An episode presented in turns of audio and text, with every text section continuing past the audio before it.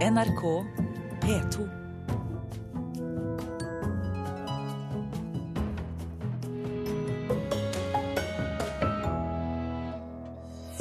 Norske dataspillprodusenter sliter med å tiltrekke seg investorer. Småsær, rotnorsk artist med svært sterke tekstlige kvaliteter. Slik omtales årets Urørt-vinner, som kommer til oss. Og Den norsk-amerikanske filmen 'Søvngjengeren' er ung, eksperimentell og forvirrende, mener vår anmelder. Her er Kulturnytt i Nyhetsmorgen. Mitt navn er Thomas Alvarstein Ove. Aldri før har så mange firmaer drevet med utvikling av dataspill her i landet. Men mange av dem sliter med å få pengesterke investorer til prosjektene sine. Stor risiko skremmer investorene fra å åpne pengesekken. Dette er et av spillene som vi har jobba med de siste åra, som heter Mogul. Det vi ser på nå er drifta av selskapene dine, hvor mye penger du og selskapene dine har, eh, og en oversikt over eh, portfolioen din. Are Sundnes ville skape et dataspill om den globale pengemarkedet. Vi har holdt på med det lenge. Vi, det er vel fire år siden vi begynte å jobbe på det. Men nettopp mangel på penger ble problemet. Akkurat nå så er det spillet på hold, så det skjer ikke noe videre utvikling der akkurat nå. Spillet Mogul fant aldri en rik onkel med tro på prosjektet. Ja, grunnen er rett og slett finansieringa. Vi har brukt opp de pengene vi har til utvikling. Eh, for at vi skal kunne ferdigstille spillet og lansere det, så trenger vi en god del mer penger. Sunnes sitt firma Hypergames er et av mange små dataspillselskap som sliter med å skaffe investorer. I en ny rapport kommer det fram at bare 7% av slike selskap i Norge får penger fra investorer. Faktisk oppgir spelskaperne at både studielån og penger fra familie er viktigere for å finansiere spillene. Eh, det å få kapital til spill er en evig utfordring. Men skal du opp på et veldig høyt nivå, så må du på et eller annet nivå være litt avhengig av investorer. Det sier Jørgen Taraldsen i Megapop Games. Taraldsen er en av få som har lykkes i å få investorer på kroken. Senest til spillet Troll versus vikinger. om det. Dette er Midgard, eh, sånn som vi ser det. Så vi har bare snudd alt. Fire, fire, kanskje fem investorer på slutten eh, som har gått inn med midler i selskapet. Er det viktig for dere? Essensielt. Altså, de hjelper deg å holde på med marketing, de hjelper deg med profesjonalisering. Altså, det er mange områder de hjelper deg på. Men sjøl om Megapop lykkes, ligger norsk spillbransje langt bak nabolandene. I 2012 hadde den svenske dataspillbransjen en omsetning på over 3 milliarder. Ti ganger mer enn den norske bransjen. Dette er fortsatt en, eh, en bransje i vekst, helt i oppstarten. Forsker Kristine Jørgensen har skrevet rapporten på oppdrag fra Produsentforeningen. Hun tror høy risiko skremmer investorene. Det er veldig vanskelig for eh, investorer å føle at dette er noe de altså Det er vanskelig for de å vite om de kommer til å få noe ut av det. Hvis de investerer i penger, kommer de til å få de pengene tilbake. Fryktelig vanskelig på det tidspunktet. En av de som sitter på pengesekken, er Torleif Alsand. Han er en av få investorer som følger bransjen nøye, men hittil har firmaet hans Northzone bare gått inn i ett spillselskap i Norge. I Norge har vi ikke investert i flere spillselskap. Vi har sett på veldig mange. Han mener bransjen bør fokusere mer på mobilspill, fordi det er der mulighetene for inntekter ligger. Veldig mange av de norske utviklerne har en bakgrunn fra PC-dominerte spillutviklingsselskaper. Da. Og det som gjelder nå, er mobilspill. Og den transisjonen der, den er ikke helt enkel. Så vi vil gjerne se på en måte at de har lansert et spillspill først, og se at spillerne strømmer til, og at de klarer å tjene penger på det. Og det har vi ikke helt sett uh, enda til at vi har turt å investere. Mange utviklere kan bli flinkere til å tenke ut hvordan de skal tjene penger på spillene sine, tror Alsand. Det er mange som tenker som så at vi skal lage et kult spill, og så får vi mange nok spillere, så kan vi tjene penger på det etter hvert. Men jeg tror at du må tenke som en integrert del av spillopplevelsen hvordan man hele tiden skal trigge betalingsvillighet underveis. Han mener den store utfordringa uansett er å skilje seg ut i jungelen av spill. Det lanseres ca. Altså 10 000 spill på iPhone om dagen. De store spillene blir ekstremt store, mens 99,99% blir ingenting. Reporter eh, her, det var Lars Ivar Nordahl. Jon Cato Lorentzen, eh, spillanmelder i Aftenposten. Mer fokus på inntjening underveis i spillet, sier investoren her. Eh, er det det som skal til? Det er jo en, eh, en bølge som har rulla gjennom spillbransjen de siste årene, der såkalt mikrotransaksjoner og, og gratisspill som tjener veldig veldig mye penger eh, i kjølvannet av å bli lansert, eh, har vært eh, den dominerende tendensen de siste årene. Så han investoren har jo for så vidt rett i det at det ligger veldig mye penger i det hvis man kommer seg gjennom nåløyet og, og treffer. Ja, for det var det, da. Å komme gjennom nåløyet. Ja, og det, det er den store utfordringa. fordi det er jo ikke bare han som har observert at disse spillene er inn. Det er jo tusenvis av utviklere og utgivere som har observert det samme. Og dermed finnes det tusenvis av spill som ligner på hverandre. Sånn som det ene spillet som ble nevnt her, uh, uh, Trolls versus Vikings, er jo en relativt direkte kopi av et veldig populært spill som lykkes med akkurat det samme, bare med annen tematikk. Sånn at uh, det, å, å, lykkes med kloner, det, det, det, er, det, er, ren bingo, blir det til slutt. Spillbransjen i, i, Sverige og Finland ser ut til å lykkes bedre enn her i Norge. Hvorfor det? Nei, Spesielt Sverige lykkes litt på alle områder, for de lykkes også med de tradisjonelle storspillene de lager, via at flere store svenske utviklere eies av, av utenlandske storselskap. Men de lykkes også med eh, nettopp det han investoren eh, mente var uaktuelt, sånn som et type spill som Minecraft, som jo var et PC-spill i utgangspunktet, og som gjorde skaperne av spillet til mangemillionær over natta, men som også er et spill som konsekvent har styrt unna denne moderne inntjeningsmodellen, der du skal loppe spillerne for mest mulig penger i ettertid. Hva er ditt stalltips til norske produsenter for å, å nærme seg Sverige i, i vellykkethet? Jeg syns de norske spillutviklerne skal fortsette som de gjør. fordi spillutvikling, eh, hvis du vil sammenligne det med, med du, du, kan sammenligne det med å lage film eller å lage musikk. Det skal, komme en sånn, det skal ligge en sånn pasjon for det i bunnen. En sånn lidenskap for det du gjør. Og, og, det er et kunstnerisk investering òg. Du har et kunstnerisk uttrykk du vil ha ut, og du vil ha opplevelser som du vil bringe til spillerne. Og når du skal gå etter den nye forretningsmodellen, så blir det ofte forretningsmodellen som blir styrende for hvordan spillet skal bli. Altså Den blir veldig dominerende og kanskje ødeleggende for den kunstneriske visjonen. Så vi snakker jo her om en, en veldig gammel konflikt mellom det kommersielle og det kunstneriske. Det store spillselskapet Funcom eh, her i Oslo ble siktet for markedsmanipulasjon etter en ransakelse i går. Tror du det kan være med på å skape uro hos eh, spillinvestorene nå? Ja, Jeg skal ikke spekulere i hva som skjer her, for der får vi heller vente og se hva Økokrim kommer fram til. Men uh, Funcom var jo på 90-tallet og starten av 2000-tallet det store flaggskipet i norsk uh, spillindustri. Selv om det ikke er så, så, norsk lenger nå i dag som det var den gang. Men det er jo klart at det er jo trist å se at det flaggskipet nå eh, kanskje havarerer hvis, hvis, Økokrim kommer frem til noe. Og, og, det er jo ikke bra for renommeet til norsk spillbransje at en av de store aktørene eh, kanskje har svin på skogen. Jon Cato Lorentzen, spillermelder i Aftenposten, tusen takk for at du kom til Kulturnytt.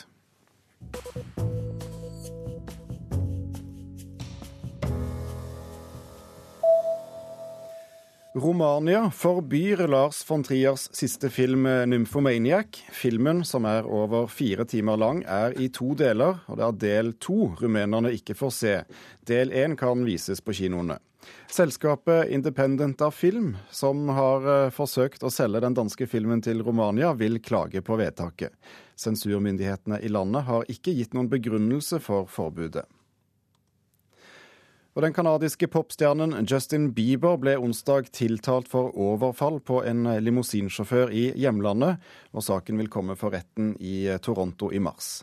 I forrige uke ble 19-åringen stanset av politiet i Miami etter å ha kappkjørt i ruspåvirket tilstand. Og 14.2 må han møte i retten der og svare på tiltalen om fyllekjøring, kjøring uten gyldig sertifikat og for å ha gjort motstand under pågripelsen.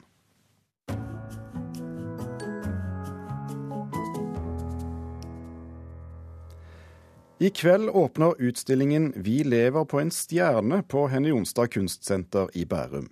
En utstilling som tar utgangspunkt i hendelsene 22.07. Mona Palle Bjerke, kunstkritiker her i NRK. På hvilken måte gjør den det? Altså det er 18 kunstnere som eh, nærmer seg Altså som på en måte formulerer en åpen visuell respons til dette traumet. Så det er ikke en utstilling om 22.07, men en utstilling som du sier som tar utgangspunkt i det. Og denne tittelen, 'Vi lever på en stjerne', den er jo hentet fra Hanna Ryggens store billedvev som hang i Høyblokka helt frem til terror hendelsen og eksplosjonen og ble ganske skadet. Den fikk en, en flenge og var selvfølgelig full av glassbiter og betongstøv, og er da restaurert og henger på utstillingen som slags mektig innledning. Dette er jo en, en hyllest til kjærligheten. Dette teppet har jo fått en tilleggsdimensjon ved dette arret som løper nedover på, på venstre side. Hvordan forholder kunstnerne, til seg, forholder kunstnerne seg til dette traumet? Det er veldig forskjellig, men det er heldigvis ingen som går eksplisitt inn og tar tak i hendelsesforløpet eller beskjeftiger seg med gjerningsmannen. Det tror jeg er veldig klokt. Så de beveger seg mer sånn i randsonen av denne tematikken. Sånn som f.eks. Lotte Konow Lund i sitt verk 66 minutter. Ja, og det 66 minutter, det var tiden eh, det tok Anders Behring Breivik å fullføre massakren på Utøya? Ja, det stemmer. Og det, det som er litt sterkt, det er sammenstillingen her. For det, hun har laget to Eh, slags eh, kasseaktige aluminiumskulpturer, som da er foran eh, denne billedveven til, til ryggen. Og Først så tror vi de bare er to minimalistiske skulpturer som er litt sånn tause, formsterke objekter i rommet, før vi oppdager at den ene har en luke som man kan åpne. Og Der kikker vi inn i et bitte lite trangt rom, et lite skjulested.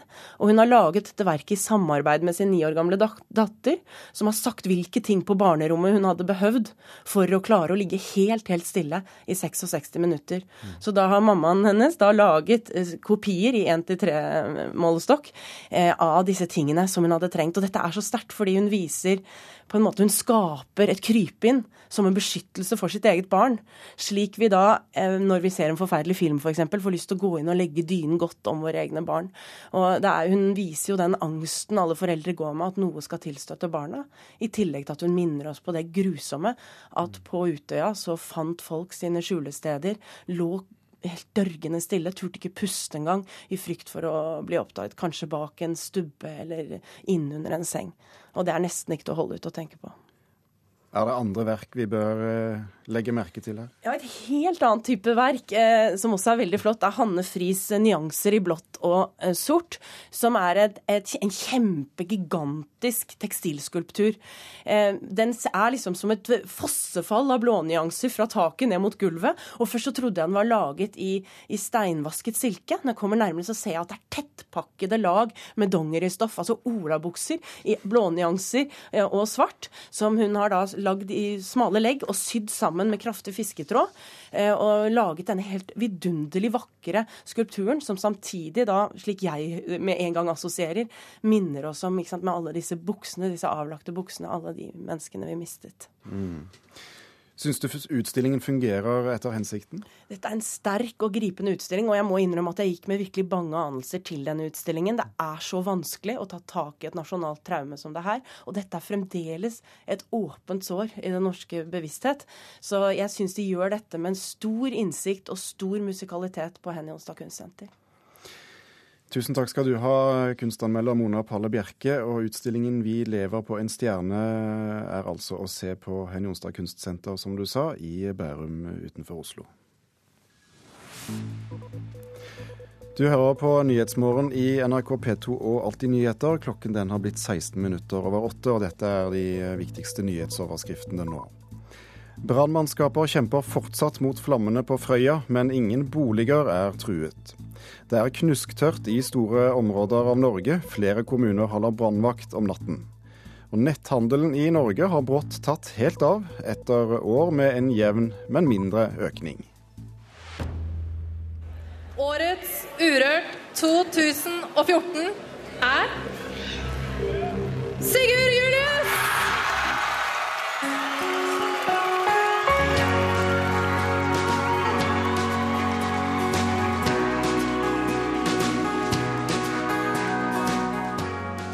I går kveld var det Urørt-finale, der det beste av ny norsk musikk blir stemt frem av NRK P3s lyttere. Og årets Urørt-vinner det er Sigurd Julius eh, fra Melhus i Trøndelag. Gratulerer og god morgen. Tusen takk. Jeg er faktisk her og har stått opp. Det, ja, Du har vel eh, hatt en liten feiring i går kveld? Eh, ja, det er ikke av mine beste valg å skulle stå opp her. Men men god morgen. Ja, det er hyggelig at du er med oss. Eh, hva, hva, betyr denne Urørt-seieren for deg? Eh, den betyr eh, mer enn vi kanskje vet enda, men uh, det ble en svær fest i, i går, da. Og nei, du, det vet hva, jeg. Nå hva, hva, hvordan skal du utnytte seieren? Hva blir neste skritt videre? Vi har ikke lagt en eneste plan, og akkurat eh,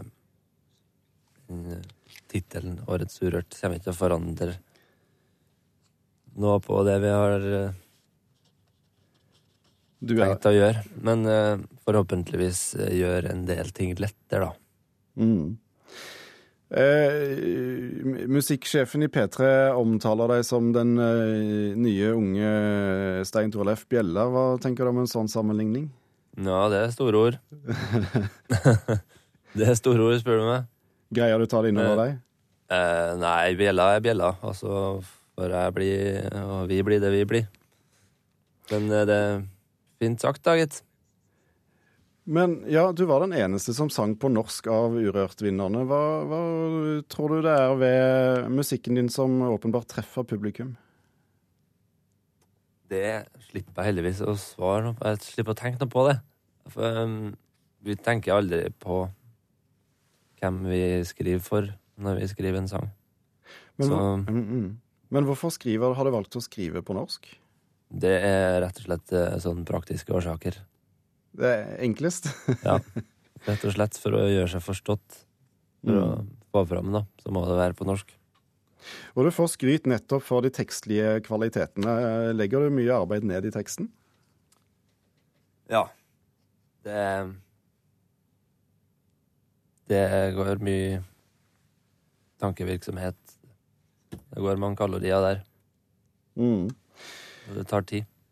Og det er det som er viktig for meg og oss, og det er det som er artig, og det som er lite. Og ja.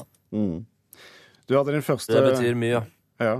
Du hadde din aller første konsert i en eh, krok på Kafé Løkka i mm. Trondheim, og i går spilte du på Samfunnet i Trondheim eh, ja. direkte på, eh, på riksdekkende ja. TV. Hvor, hvor, drømmer du om å spille? Det, det er overalt. Vi har ikke noen sånne der ambisjoner om, en, om den størst mulige konserten. Men vi, men vi bare gleder oss til å spille på Vi ser for oss mange sånne fine Nei, herregud. Ja, vi, får ønske, har, vi, får ønske, god fornøyelse med de stedene du måtte havne opp med, med gitar og band, eh, og, og, lykke til videre. Tusen takk ja. for at du var med oss eh, på morgenkvisten, Sigurd Julius, altså årets Urørt-vinner. Thank you.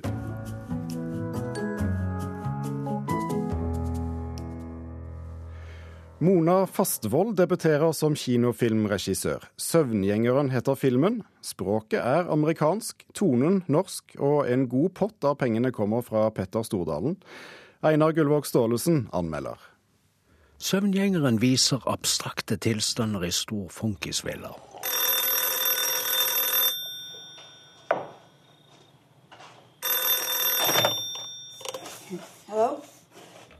Hun som ringer og melder sin ankomst midt på natten, vet ikke hvorfor hun gjør det. Halvsøsteren som blir bedt om å hente henne på stasjonen, vet ikke hvorfor hun kommer, etter flere års fravær. Den store familievillaen brant, og årsaken ble ikke klarlagt. Kaja ble brannskadd. Siden har Kristine vært bortreist. Det første vi forstår, er at hun er bortreist på flere måter, særlig i søvne. Vi hører sanger som er valgt, og blir mer forvirret.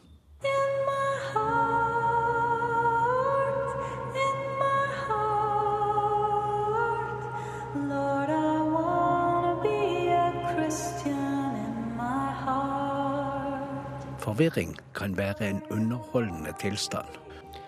Det store, fornemme huset er under totalrenovering. Der det ikke er brannskader fremdeles, er det nedslitt. Kaja har fått nevenyttig og jordnær kjæreste som kan jobben. De unge snekrer og elsker å drikke vin. Kristine har også fått kjæreste, forteller hun. Kaja tilkaller ham allerede den natten Kristine kommer. Kjæresten vet ikke hvor hun er blitt av. Hei. Hei. Kaja. Ja. Yeah, Ira, right? Yeah, uh, thanks a lot for calling me. Is Chris here? Yeah, she's. Hi. Oh, hey. Andrew. Ira. Nice to meet you. Nice. Parsammensetningen er ikke til å forstå. Det kan være et tilsiktet poeng. Det kommer til å dreie seg om sjalusi også. To halvsøstre opplever sterk tilknytning, men de lider også mens de gleder seg over å være sammen igjen. Mona Fastvold blir 33 år i mars. Søvngjengeren er hennes første lange fiksjonsfilm. Hun har laget musikkvideos og andre korte ting før. Hun har skrevet manus selv sammen med amerikaneren Brady Corbett, som også spiller en av rollene. Corbett og Fastvold samarbeider allerede om nytt manus som Corbett etter planen skal regissere. Søvngjengeren er norsk-amerikansk. Språket er amerikansk, tonen er norsk. Pengene er for det meste norske. Et større beløp kommer fra Petter Stordalen, som blir hedret med tittelen medprodusent i slutteksten. Det er synlig talent i filmarbeidet, men det er også mye som ikke er modnet og utviklet. Skuespillerne har lært sine roller, men de har ikke helt tatt til seg rollefigurene. Regissøren og fotografen har gitt steder og stemninger viktige funksjoner. Funkisvillaen har en hovedrolle, men bildene griper ikke ordentlig uroen i hus og landskap. Det blir mest pent, med grusede veier, store trær og stille, dype vann. Cato Odland og Sondre Lerche har skrevet musikk til filmen.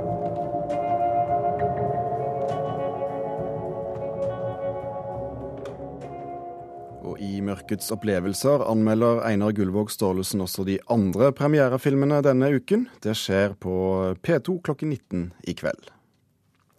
Nordlysfestivalen i Tromsø tar festivalen enda lenger nord når de i dag arrangerer sin første konsert på Svalbard. Med på den første forestillingen er en russisk stjernesopran som sies å være Placido Domingos favoritt.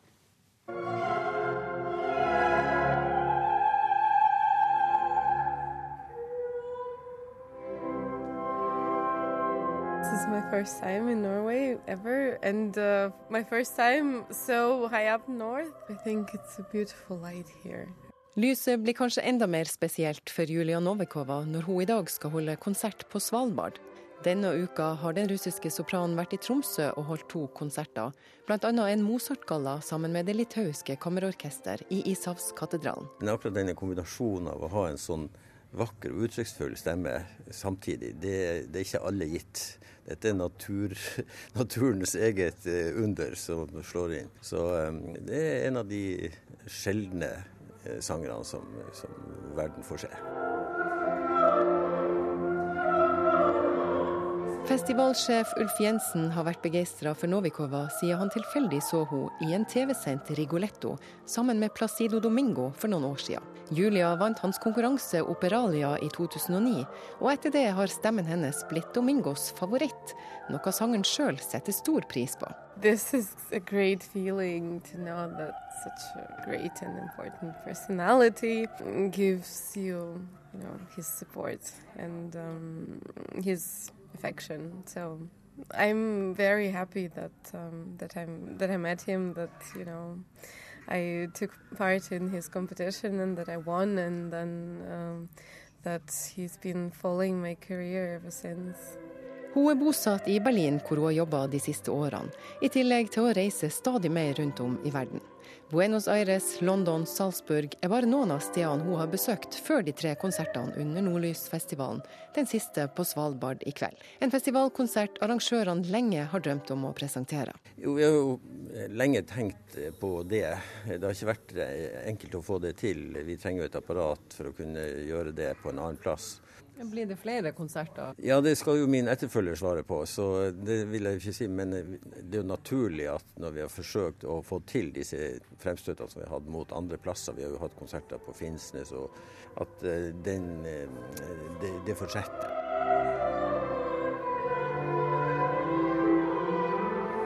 Jeg har jo gleda meg lenge til den konserten. og Jeg føler jo det at jeg har fått innfridd eh, mine forventninger. Så det er veldig så følsom eh, og fin, eh, fin, stemme. Stort spenn i, i følelsesregisteret. Det sier kulturjournalist Helge Matland i avisa i Tromsø. Han har dekka Nordlysfestivalen i 25 år. Ekstra entusiastisk er de tre skuespillerne fra Hålogaland teater, som skal spille forestillinga 'Amadeus' om få uker. Så Derfor så er vi her litt for å se, ja, hvordan det her, eller høre hvordan det høres ut live, og se hvordan de ter seg litt på scenen. Jeg har ikke hørt så veldig mye på sånn klassisk og sopransynging opera før, men veldig imponert.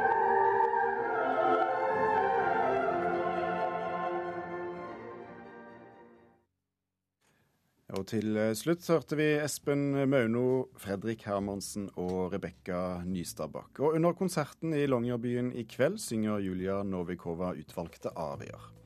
Reporter på Nordlysfestivalen, det var Hege Irén Hansen. Og med det er Kulturnytt i ferd med å runde av denne sendingen. Du har hørt at aldri før har så mange firmaer drevet med utvikling av dataspill i Norge. Men eh, mange av dem sliter med å få pengesterke investorer til prosjektene sine. Stor risiko skremmer investorene fra å spandere fra lommeboken sin. Produsent Halvor Haugen, teknisk ansvarlig Hanne Lunås og her i studio Thomas Alverstein Ove denne morgenen.